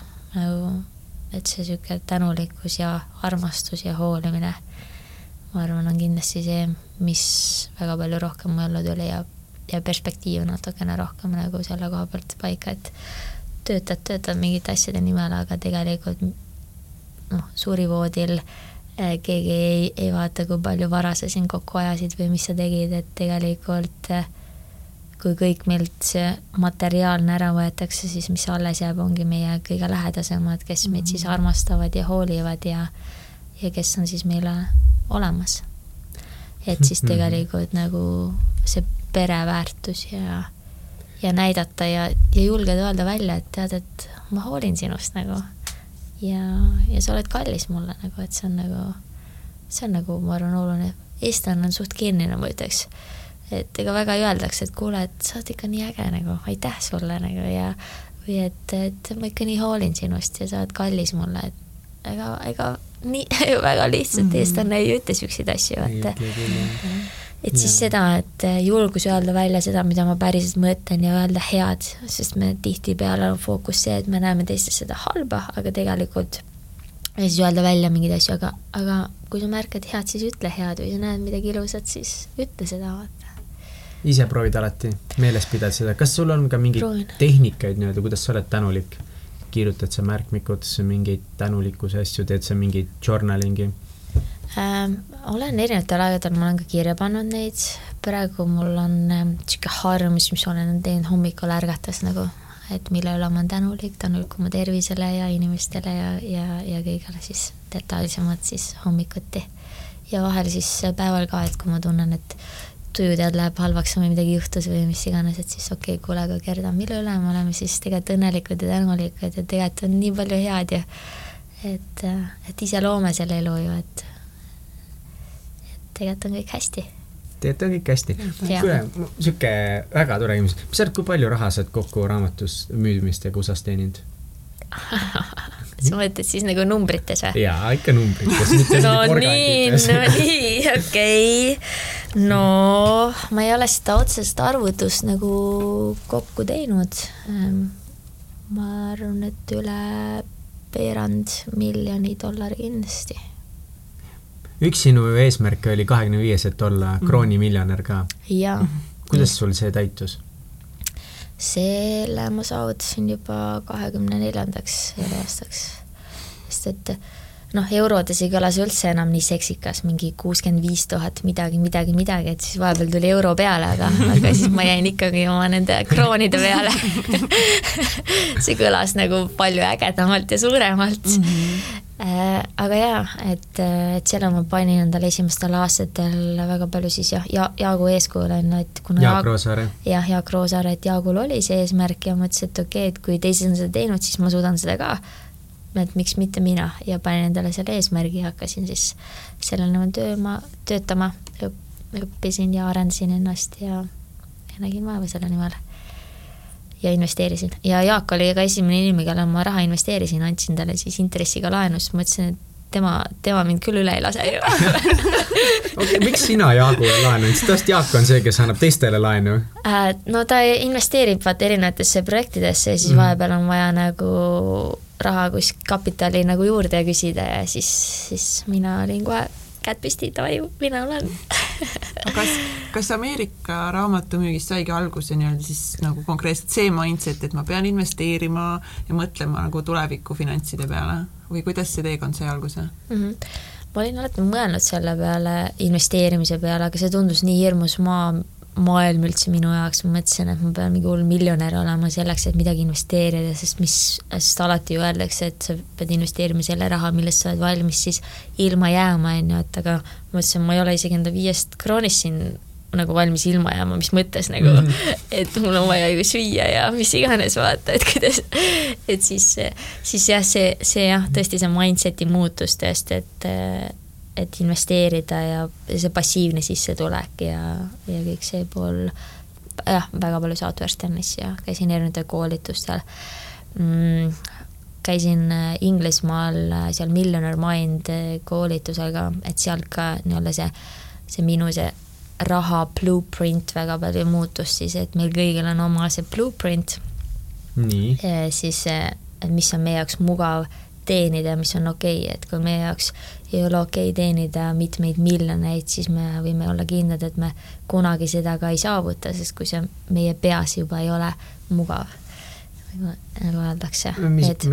ka eesmärkidest, et see, et sa ei saa neid eesmärke, mida sa siis elus tahad, vaid see, kes sa oled, et kui sa juba enda peas ei ole miljonär ja selle miljonäri mindset'iga, siis sa ka sinna ei jõua, vaata mm., et et need mugavad summad, et kui sellepärast ongi, miks lotovõitjad, kes võidavad nagu miljoneid lotoga, siis aastate pärast on täpselt sama vaesed, sest nendel lihtsalt see rahaline mõtlemine ei ole seal, et seda raha siis ära nii-öelda handle ida, on ju. Mhm. kuidas luua siis äh, endale selline õige, õige mindset, et äh, blueprint. jah mm -hmm.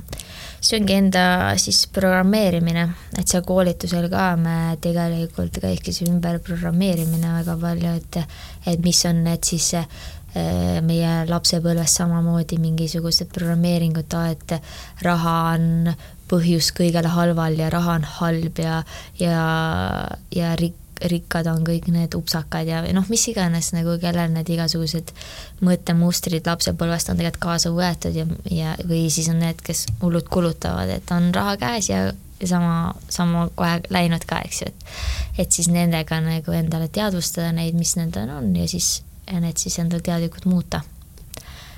Kats, sul on mõni rahaga mingisugune mõtteviis, mis on vale või? jaa, kõik, mis tuleb, see läheb et aga tegelikult jaa, see, mul on mõte samamoodi jah, et, et noh, et et raha niimoodi läheb nii kiiresti käest ära, võib-olla ei tohiks nii mõelda, et sa ei kuluta nii palju ära või kuidagi. on selles ja. mingi tõde, mis sa arvad? võimalik, sest minul on praeguseks niimoodi, et kui mul raha kontol, siis mul on see, et okei okay,, kus ma seda saan ära investeerida, pigem on niisugune, et oi, et kus ma siis saan seda panna siis tööle vaata kasvama, et, et, et ära investeerida. mis esimene investeering oli? Äh, ma noh, oligi Jaagule andsin laenu, oli see üks, siis äh, ma ostsin, niisugune suurem investeering oli, ma ostsin korteri, mis ma siis välja üürisin. Mm.. et selle ma ostsin siis, äh, et kui Jaak promob siis seda viiekümne protsendi klubis, siis tollel aastal ma olin siis enda kaheksakümne või üheksakümne protsendi klubis, et kogu oma suvetšeki siis ostsin siis korteri täiesti välja ja panin üürniku sisse. kuule, aga sa ei ole, sul, sul on, mul on tunne, et see oma eesmärkide nimekiri, seal ei ole sul kõik maha tõmmatud ikka. sest seal on viiekümne protsendi klubi sees, sa ei ole maha tõmmanud. jah, ma ei ole jah, et ma tegelikult olen hea tähelepanek, hea tähelepanek et see on, see on mul jah sa pead ikka kõik ära, mis ma täpselt tean, sul ju silma peal hoida, et kuidas sul läheb eesmärk, ma no, vaatan, et kõik asjad tegemata. jah, saame koos hakata neid asju siin tegema siin teiega. Jaa, aga täna nüüd sa oled veel peale selle, et tegeled, oot, räägime investeerimist veel natukese, kus sa veel investeerid äh,? siis mul on mõned äh, aktsiad äh,, aktsiad, siis mõned äh, võlakirjad ja siis äh, intressiga siis antud laenud, niisugune hüpoteegitagati seal on, on mõned ka. kus sina soovitaksid alustada inimestel investeerimisega või üldse kogu selle investeerimismaailmaga? No see oleneb väga palju siis äh, inimestest ja võimalustest, et tegelikult mis see kapital siis on, on ju, et äh, aga miks mitte siis no tegelikult jah, öeldakse parim viis sõbrast ilma jääda on anda sõbrale laenu, on ju. et siis mõned on alustanud niimoodi, et nad ongi lepinguliselt andnud siis sõbraga intressiga laenu näiteks, et, et siin sõbral on viiskümmend eurot vaja ja siis annad, et kuu aja pärast annab sulle kuuskümmend eurot tagasi, siis võib ka niimoodi alustada, on ju, lepinguga kõige lihtsamal viisil, aga ühisrahastusplatvormidesse ma tean, on paljud alustanud mingite väga väikestega, viiekümne euro ja kümne eurode summadega, eks ju, et see oleneb väga palju võimalustest, ma arvan, esimene viis siis ja oluline aspekt on siis, kus siis leida see kapital, et siis mida investeerida. aga kas sinu meelest on oluline pigem nagu siis raha hakata koguma või juba ikkagi alustada mingisuguse investeerimisega, et see harjumus kätte saada või kuidas sa suhestud sellega? jah, noh, selles mõttes, et äh, see kapital peab olema siis, mida, mida investeerida, kuskilt see mingi raha peaks ju olema, et mida sa investeerida, aga miks mitte alustada siis kuskilt nendest ühisrahastusplatvormidest või andagi intressiga laenu kellelegi, kellel on vaja ja lepinguga muidugi, on ju. et, et mõlemad viisid on okei okay,, ma arvan, olenevad siis võimalustest. aga kui palju sul kinnisvara on? kas sul on veel kinnisvara peale selle üürikorteri, mille sa kunagi ostsid? jep jep, jep. et siis me noh, siis mul on üks siis korter, kus ma siis ise elan ka praegu mm -hmm. ja, ja siis pluss siis Jaaguga ja siis üheksa teise äh, sõbra-tuttavaga me siis äh, tegime ka ettevõtte, kus me siis ostsime kümne peale siis kolmkümmend kuus korterit. kolmkümmend kuus? Mhm. kas need on ühes majas kõik või? jah. Te ehitate täitsa maja või? see, ei, see oli vana elektrienergia maja, kui ma ei eksi, ja Laava, see on, see on, see on Lucky kakskümmend neli, Laava Apartments, et Aa. väga äge objekt, et nad valmivad siin praegu siis aprillis. valmivad. Mm -hmm. oh my god, kui lahe. oled performance coach ka veel? Jah. mis see tähendab? no see, tegelikult see, see ongi mul nii-öelda see hobi, on ju, koolid, ma olen käinud koolitamas nii-öelda hoida enda mõõka teravana siis, et olen ettevõtetes käinud koolitamas ja olen ka siis eh, erinevate sportlastega tegelenud, on ju, et eh, neid siis coach inud, et eh, spordimaailmas just eriti väga paljud sportlased treenivad füüsiliselt, aga see vaimne pool jäetakse kõrvale ja siis põletaksegi läbi, on ju et siis ma arvan, see on väga suur koht, mida, mida siis noh, ongi spordimaailmas siis parandada, on ju. ja siis ma olen mõnedel sportlastele olen olnud siis ka mentoriks, on ju, ja andnud nendele siis ideid ja mõtteid, kuidas siis mida teha, eesmärke seada ja ja siis nendega rasketes kätes siis läbi, läbi töötada, on ju. aga see on mul pigem hobi, on ju, et et Southwesternis on ka, me oleme ka kõik mentorid ja performance coach'id tegelikult, on ju, et et äh, õpetame ja anname nendele noortele kõik need vajalikud oskused ja teadmised, et oma eesmärki elus saavutada. no mis eesmärgid äh, Southwesterni programmiga veel on mm? -hmm. Sellel aastal siis minu enda siis baas, meie käive oli seal üle kaheksasaja tuhande dollarit, peaaegu miljoni dollari ettevõte, et siis meil üle kahekümne inimese, et siis ongi kasvatada seda siis kolme miljoni dollari ettevõte, kolm pluss, kolm-neli miljoni dollari ettevõtteks ja, ja sada pluss inimest siis organisatsioonis tundub niisugune äge eesmärk, mille poole püüelda oh., aidata noori, äh, saada kõiki neid vajalikke oskusi ja teadmisi, on ju, et et noh, minu eesmärk kindlasti ei ole olla maailma parim ukselt uksele raamatute müüja, et nagu hell no. et, et, et nagu selles mõttes, et ma nüüd terve elu nagu müün neid ukselt uksele raamatuid või midagi nii, et tegelikult meie mentorlusprogrammis ongi, et kui mis iganes siis tudengil eesmärgiks ongi, kui tudeng tahabki saada maailma parimaks taksojuhiks, no me õpetame teda, kuidas saada maailma parimaks taksojuhiks või kui kuidas on... te õpetate seda, te ei ole taksojuhid ju? no ma ei, aga neid eduprintsiipe vaata, mis Aa. siis on selleks, et oma valdkonnas parim olla või kui ta tahabki olla maailma parim kunstnik, no me õpetame teda, kuidas saada maailma parim kunstnikuks või ettevõtjaks, me õpetame kõiki neid vajalikke oskusi ja teadmisi, mis siis aitavad elus enda eesmärke aga mis on need saavutada. põhi, põhiprintsiibid, mida mida, mida näiteks sina, sina õpetad, annad edasi? Noh, see on, nii oleneb siis inimesest, on ju, aga muidugi siis enda nii-öelda see schedule ja attitude, mida me siis inglise keeles, et meie siis see töögraafik ja, ja suhtumine, need on igas valdkonnas nagu ma arvan, alus, alustalad, on ju, et, et edu saavutada. distsipliin, on ju, ongi aga selle miks on töögraafik ja suhtumine kõige alus? no selles mõttes, et kui me siis eh, distsiplineeritud enda eesmärkide nimel siis ei tööta ja vaeva ei näe, siis ka tulemust ei tule, on ju, et ma kujutan ette, kui ma oleks diivanil krõpsu närinud, et siis ma ei oleks kunagi nagu Eesti meistriks tulnud, on ju, et ma ikkagi distsiplineeritult eh, tegin trenni kaks korda päevas, vahepeal kolm korda päevas eh, ja nägin vaeva selle nimel, et, eh, et graafik oli nagu tihe, et nagu öeldakse, et üheksakümmend kaheksa protsenti meie suhtumisest on tegelikult meie töögraafik, et kui inimesed ütlevad, et nad on, nad on õnnetud ja halb ja kõik on halb ja elus on paha, siis tegelikult nad on, see töögraafik on lihtsalt nii niisugune nii-öelda sassis, vaata, et tegelikult kui et luuagi endale selline graafik, millest meil ei ole vaja puhkust, et meil ongi see aeg, kus me siis oled sõpradega, aeg, kus on siis, teed trenni, aeg, kus sa teed siis tööd ja aeg, kus sa siis õpid ja arendad ennast, on ju, või, või reisid, et,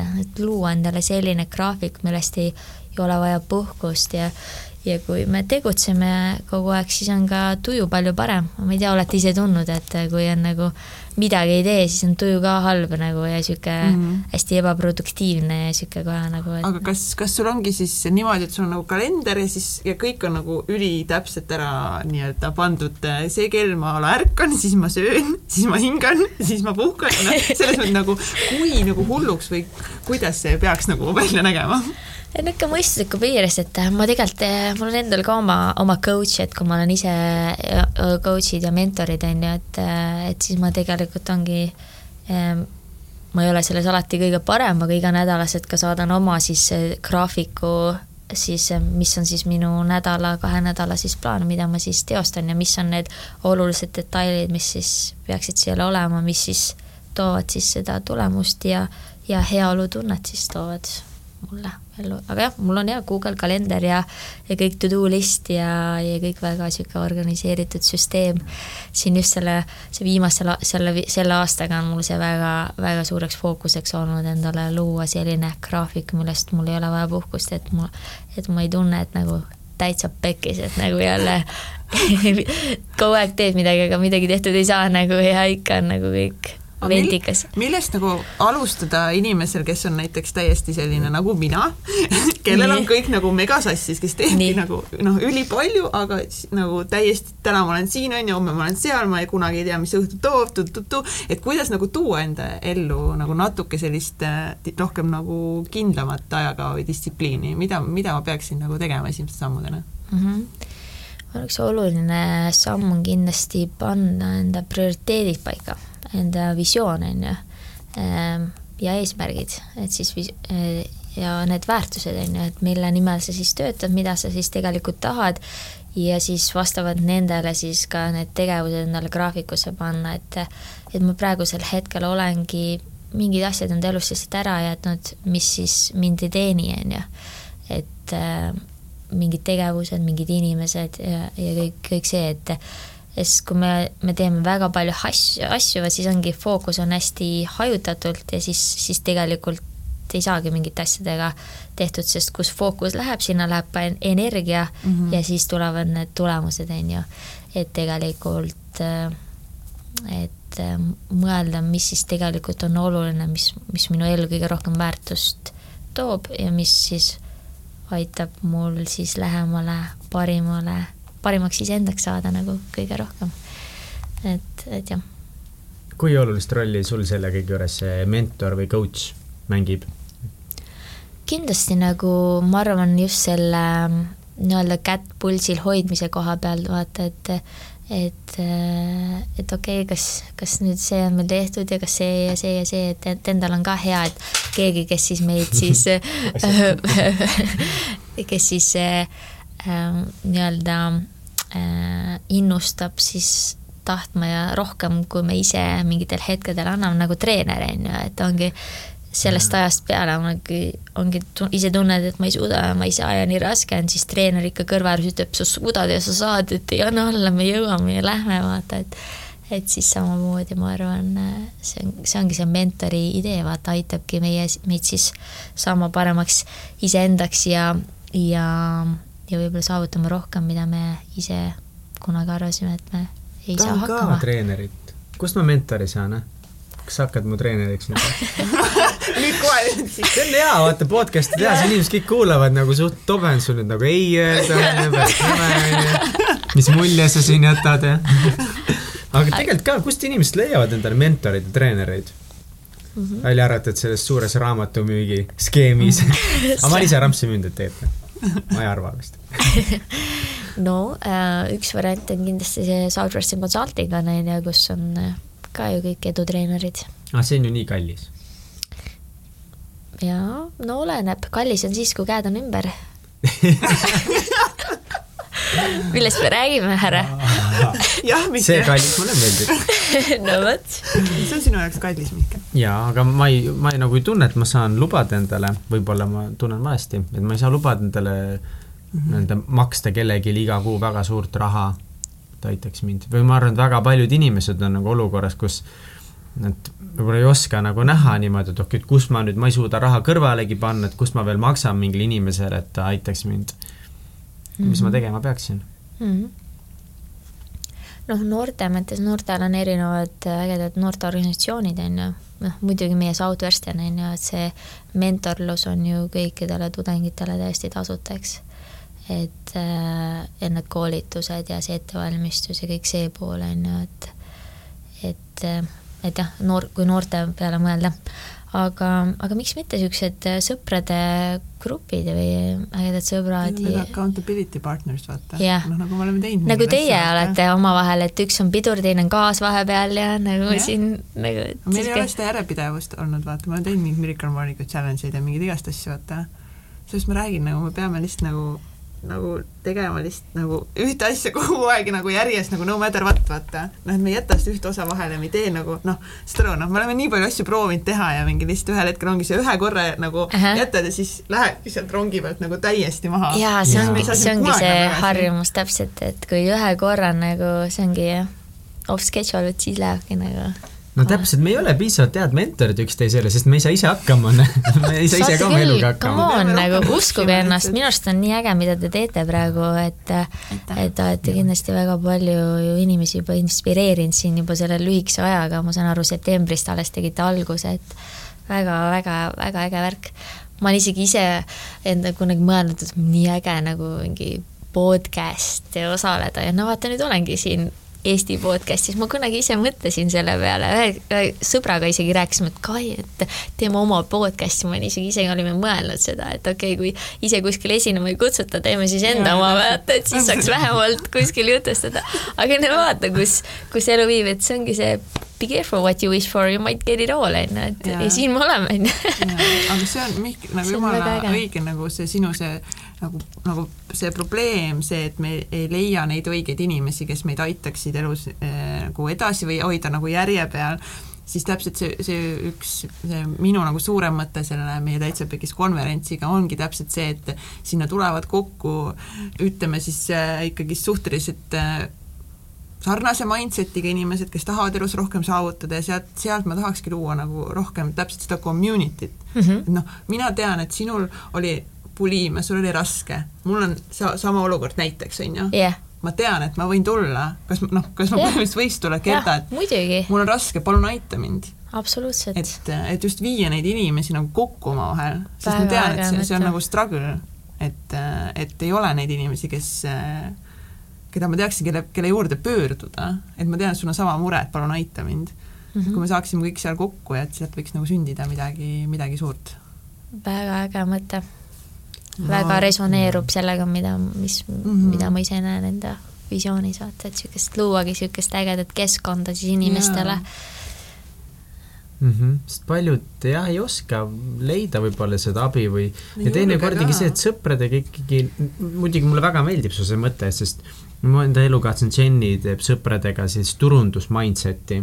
et turundusvaldkonna inimesed, nad saavad kokku ja siis nad äh, alati kutsuvad mingi esineja sinna, no ta on mingi neljakesi mm, -hmm. saavad kokku lihtsalt mingi korra kuus või korra kahe kuu tagant või kuidas iganes mm. -hmm. ja siis neile tuleb äh, turundusvaldkonnast mingi inimene rääkima et, äh, et siin ongi seal isegi Taxify turundusjuht käinud rääkimas, nad ise kirjutavad, otsivad mingi võimaluse, kuidas leida mm -hmm. keegi. ja siis see räägib neile natukese nagu sellest valdkonnast, et noh, kuidas umbes mingeid trikke või mida iganes. ja siis nad proovivad ka iga kord ühe inimese või siis mitme inimese mingid probleemid läbi käia. Aga no ikkagi sihuke, nojah sellest on ka väga palju kasu ja et seal saab juurde panna ka selle, et aidata üksteise mingitel graafikutel silma peal hoida või. jah ma arvan, see graafikuga on nagu kõige suurem osa ongi sellest tegelikult kinni pidada, vaata, et tegelikult kui sul ongi nagu graafikus, et ma nüüd tegelen selle koolitööga, siis reaalselt nagu tegeleda selle koolitööga, vaata, et mitte, et oh, sõber helistas, et lähme nüüd siis välja, on ju. et siis sellesse kinnipidamine, ma arvan, ongi see kõige suurem asi, on ju. See distsipliin. jah graafikust, graafikut tegelikult ongi, sul on jumala õigus, graafikut kirjutada on suht lihtne, aga sellest kinni pidada on juba next level järjepidevalt kinni. aga miks sa arvad, miks inimesed ei pea oma graafikutest kinni?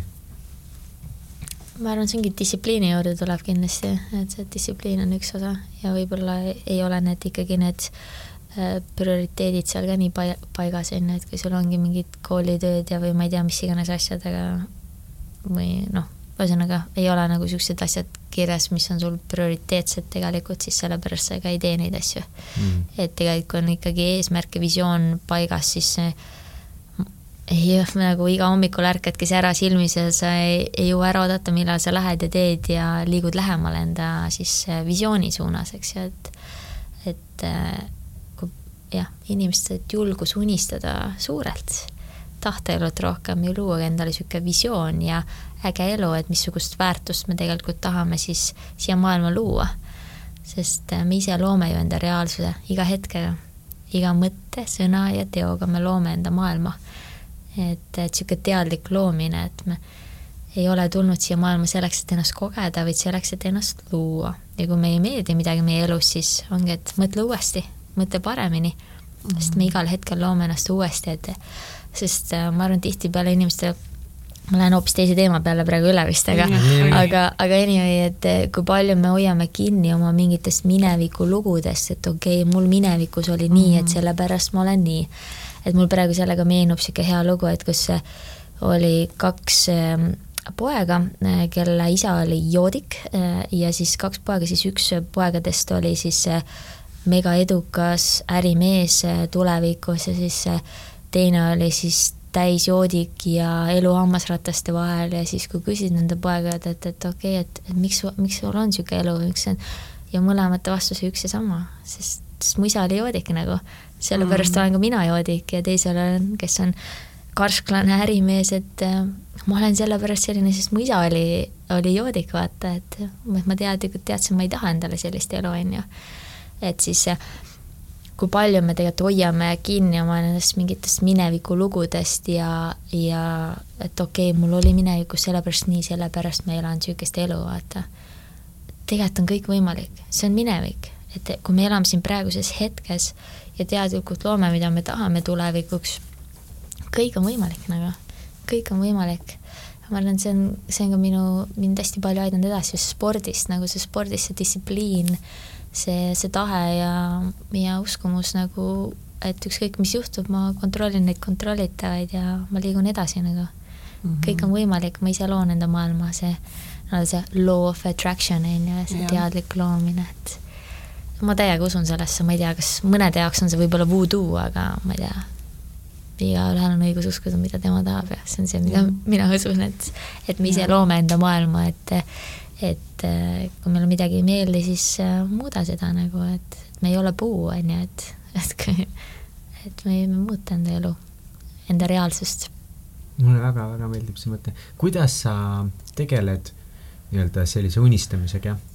on sul mingeid unistamismeetodeid, harjumusi mm? -hmm mingitel hetkedel ma väga palju kuulasin mingeid erinevaid hüpnoteraapiaid ja mis iganes asju, mingid hüpnotherapy for inner peace ja passive income ja, ja ta-ta-ta-ta, et sihuke. Aga mul on kodus endal suur vision board, kus mul on pildid, sest meie alateadvus võtabki informatsiooni tegelikult piltides. et siis mul ongi ägedad pildid, mis siis resoneeruvad minuga ja tuletavad mulle mingisuguseid suuri eesmärke ja asju meelde. Ja siis, kui ma kogu aeg seda vaatan, siis nagu liblikad tulevad kõhtu, oh kui äge, nagu nii äge tulevik on ees nagu ja, ja praegu on ka nii äge juba, liigun selles suunas, vaata. et, et ja olla tänulik sellele hetkele, et oh, mul on nii palju antud ja nii palju võimalusi nii palju võimalust niisugust väärtust maailma luua, aidata teisi, jätta mingi pärand endast maha, et et, et jah, see on see siis, mis mind kannustab. Su see eesmärkide list on ka minu meelest äh, nii lahe, sinu see bucket list. aga kas sa paned neid bucket list'i kogu aeg sinna kirja või sa vahepeal noh, nagu mina ette kujutaks, võtadki mingi küünla ja klaasi veini ja siis hakkad mõtlema kõiki asju, mida ma elus tahan kogeda, korda saata, näha kuidas sa teed? Jah, ma viimasel ajal ei ole sinna väga palju täiendanud, aga ma mõtlesin, et tegelikult, et, et võiks nagu, võiks, võiks veel suuremat ägedat, kui vaatad siin, mõni siin unistab, ma ei tea, mis iganes eesmärk, mõtlesin, et okei okay,, et kuule, aga ma peaks ka ikka rohkem unistama siin, et, et veel suuremad eesmärgid ja veel suuremad unistused, et et jah, nagu öeldakse, jah, jah, just jah, jah. unistamine on äge, Arnold Schwarzenegger, noh, kõik on seda öelnud, et kui su unistused ei hirmuta sind, siis need ei ole piisavalt suured mm. -hmm. absoluutselt. on nii, aga kas sind hirmutab mõni sinu unistus siis või? või tundub niisugune noh, et kurat? no eks see on ikka, ikka on hirmutav, tead siin nagu sada inimest siin juhtida olla, siis nendele liidriks ja eeskujuks on suur vastutus ja, ja kõik see, et, et see on ikka natukene hirmutav, aga samas on nagu põnev et äh, õppida ja arendada enda siis seda juhtimisoskust, on ju, seda leadership'i, et selles väga palju paremaks saada mm. -hmm. sul on siin niisugune unistus, lendan kosmosesse vaatan tagasi maale. jaa mm -hmm., absoluutselt, jep, juba tehakse turismireise ju ja. kosmosesse. see maksab päris palju, aga mm. -hmm. aga noh, ma arvan, et see on possible. muidugi on possible mis see sinu jaoks finantsiline vabadus tähendab mm? -hmm. sul on see ka üks unistus?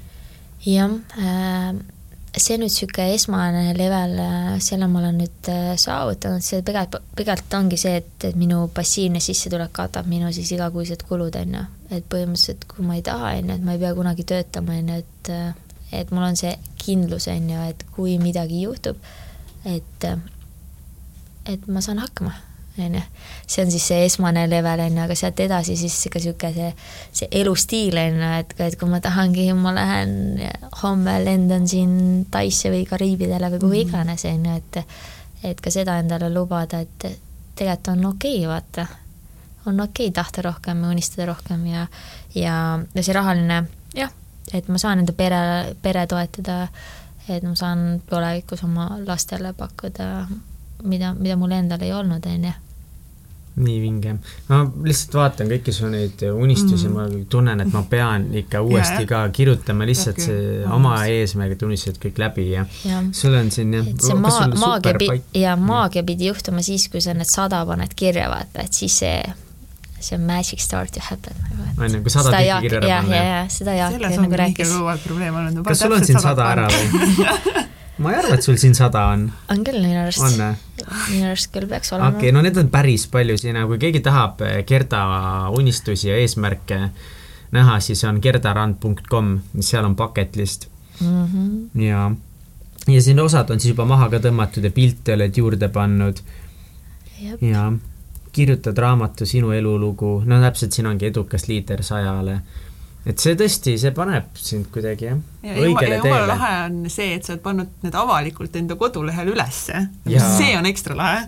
okei, et aitäh. teised saavad, ma olin eile nagu jumala impress, ma mingi mida pekki, ma pean ka kindlalt tegema selle. et siis sa kuidagi paned ka rohkem vaata universumisse välja selle sõnumi. siis ongi nagu, sa saad, ma saan siin minna vaata iga päev vaatama, Gerda, ahah, kuule rääkisid küll siin vaata.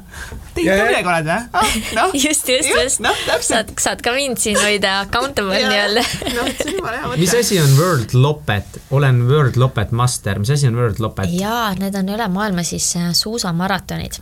et, et mul nagu reisida meeldib, aga ma ei ole nagu sihuke, et palmi all nüüd istun nagu päev otsa, vaata, et äh, mulle pigem meeldivad siuksed aktiivsed äh, puhkused, ma teen ka midagi ja siis äh, äh, suusamaratonid, siis peab kümme suusamaratoni üle maailma siis osalema. ja okay. siis saab selle World Lopete tiitli. okei okay,, jesus. sa ikka jah, Jaa, sa ikka sellest spordist ei suuda eemal hoida, ma vaatan. ei suuda jah. mingi ujud delfiinidega, no väga lahe. oh, Gerda, oh, Gerda, Gerda. sinu see ellu suhtumine on ikka niivõrd võimas. nagu, mis sa siis soovitaksid inimestele, kes seisavad raskustega vastamisi? lühidalt, mis sa, mida sina soovitad? ma arvan nagu uskuda endasse ja, ja nagu tahta rohkem ja tegelikult mitte andma alla, vaata tihtipeale inimesed annavad alla, ju, kui eluraskused tulevad äh, tee peale ette, et et kõik on, kõik on võimalik nagu uskuda, uskuda. Ja, ja kui ongi mingid raskused, võib-olla julgus siis küsida abi või leidagi endale keegi mentor, kes siis aitab nendest raskustest siis läbi hammustada nii-öelda elus, eks ju, et ja kuulata niisuguseid ägedaid podcast'e, nagu teie siin teete, ma arvan, et jaa, kindlasti, ma arvan, et see on kõige, kõige, number üks asi kindlasti. et ei noh, üleüldiselt vaata selliseid äh, lugeda, arendada Mhm. ennast ja sihuke, sihuke green and growing, sihuke learning mindset, see on, see, see aitab väga palju nagu, et õppida siis teiste, teiste vigadest ja, ja saada inspiratsiooni siis teiste lugudest. ma arvan, see ja uskun seda, et kui on halb, siis kõik hetked mööduvad. just, igale langusele järgneb Jah. siis tõus, on ju, et jaa.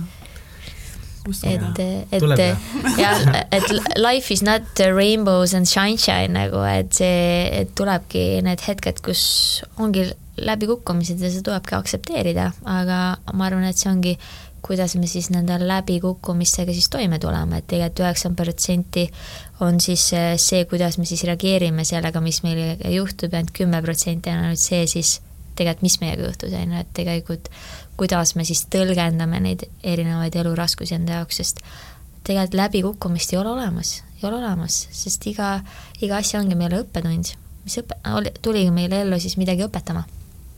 et, et äh, tegelikult on kõik positiivne, et äh, jah, what doesn't kill us make us stronger and better Mhm. and smarter.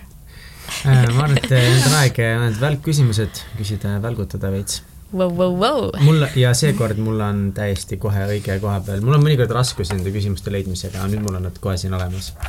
väga tubli oled, Mihkel. Ma olen väga uhke selle. ja esimene küsimus on äh, selline, et äh, kas sul on et ei, küsimus ei ole nüüd Gerdale enam, kas sul on? jah, tähendab nii, nii, millised on sinu olulised äh, rutiinid või harjumused, mida sa teed siis igapäevaselt või iganädalaselt? rutiinid ja harjumused äh,. ärkamine, hommikul vara ärkamine. kindlal kellaajal siis iga päev, jah? ja, ja üldjuhul äh, jah, seitsmest nagu ärkan hommikuti nagu. ma vahel, kui on tõesti, vahepeal oli mul mega crazy graafik, kus ma läksin magama ühest ja pidin juba üleval olema nagu kuuest või enne kuute, et siis siis on vahepeal niisugune crazy, aga, aga üldjuhul jah, seitsmest ärgata äh,, lugemine, et siis ma hommikul loen, et kui ma ei saa pikemalt, siis vähemalt viisteist minutit või siis kuulan nagu audiobook'i. Ähm, Need on ühed, sportimine, ilma spordita on väga raske, et äh, sp- sportimine kindlasti. Ähm,, oma inimesed nagu sõbrad, kindlasti nendega nii-öelda reconnect imine, et ma olengi siin erinevaid sõpru, keda ma pole ammu näinud, et oi, et lähme, lähme siis lõunatama, on ju, ja ja hoida siis meeles enda lähedasi, need on ka niisugused harjumused, et äh, lähedasi ja sõpru, et hoida neid suhteid ja leida siis aega ka enda lähedaste jaoks. mitte ennast uputada endasse töösse. jah, jah, ma arvan mm. -hmm. milles sa väga hea ei ole? milles ma väga hea ei ole äh,. ma arvan, selles ähm, nii-öelda inimestele otse või noh, ongi ka mingi halvasti, kui ongi mingid asjad jamad, vaata, et siis teistele seda teadvustada või ütlemine vahepeal, tead, et nüüd sa panid küll nagu täiega pange, vaata nii-öelda see ähm, negatiivset ütlemine inimestele. et hoian nagu, olen hoidnud nagu enda sisse, vaata mingeid asju, mis, mis ei meeldi, et mitte teistele haiget teha. et, et see, see on kindlasti üks asi. keegi ütles sama asja keegi, kes meil käis podcast'i, ma ei tea, kas see Otto Mardam või keegi, keegi oli, et millest see väga hea ei ole, no ma ei oska inimestele väga halvasti öelda. jah, ei taha nagu jah mm, -hmm. noh, see on, see on jah, niisugune äh, üks asi, ma arvan. mille üle sa kõige uhkem oled oma elus? kõige uhkem hmm,? Hmm, neid on päris palju, äh, noh, kõige uhkem, ma arvan, ma olengi selle tippspordi ja enda nagu spordi ja nende tiitlite ja seda ma sport, sporti tegin. sest äh, sport on mind tõesti vorminud selleks, kes ma olen nagu praegu. see distsipliin, eesmärgikindlus, kõik, kõik see sport on mulle nii palju andnud, ma arvan mis on kõige pöörasem asi, mis sa elus teinud oled ja kas sa teeksid seda uuesti? kõige pöörasem hmm., okei okay. uh, noh, üks pöörasemaid asju oli, kui me käisime siin äh, sõpradega ultramaratoni jooksmas. see oli kaks tuhat neliteist aasta vahetus, siis äh, äh, lõunal kell kaksteist hakkasime jooksma ja siis öösel kell kaksteist, kui uus aasta tuli, siis lõpetasime jooksmise, kui kõik olid juba, sõbrad, muud olid kõik juba, juba purjus ja tähistasid uut aastat, siis mina lõpetasin jooksurajal kokku mul tuli vist ähm, seitsekümmend seitse kilomeetrit, see oli kindlasti üks niisugune väga oh. pöörane asi, et kaksteist tundi järjest jooksime. noh, muidugi vahepeal seal vahetasin sokke või niimoodi, aga noh, kogu aeg ikka liikusid ja käisid ja jooksid, noh, jooksime, on ju, et jah, sörkisid ühekilomeetrisel ringil pum-pum-pum-pum laulas maal ja see on oh. ähm,, see on viimase öö un-, unistus või unelm, et seda korraldatakse iga aasta niisugune ultramaraton. kas sa teeksid uuesti? See on äge challenge nagu, ma arvan äh,, miks mitte nagu, võib-olla mingis teises vormis, ma olen mõelnud äh, äh triatloni teha, on ju, või Ironmani. et seda, seda ma olen mõelnud, et tunduks nagu äge, äge challenge, mida ära teha. You are a badass oh et, et sport on nagu lahe. skaalal ühest kümneni mm, -hmm. kui imelik sa oled no ma arvan ikka max out kümme, kümme kümme, üks, jah. ma arvan, et eh, jah, elu on jah, jah, ma olen jah, weird nagu, et elu on jah, igavat, igavaid inimesi nagu ei ole vaja, vaata, et niisugune normaalsus ongi igav, ma alati ütlen, normaalsus on igav ja mina ei ole kindlasti normaalne Nice aitäh sulle selle eest, Gerda. Mm, kuskohast meie kuulajad saavad sinu tegemistel silma peal hoida?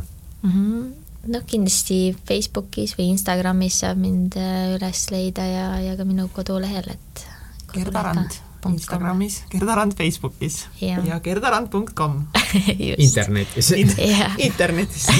Just, just, et, et jah, kui ma saan kellelegi abiks olla või, või väärtust luua, siis alati võib, võib tulla nagu minu juurde, miks mitte. see on tore Jülila, aitäh sulle aitäh. jagamast kõiki neid eh, aitäh väga kutsumast. isiklikke sügavaid lugusid oma Ait. elust. aitäh kutsumast. väga tore oli teiega. Jore badass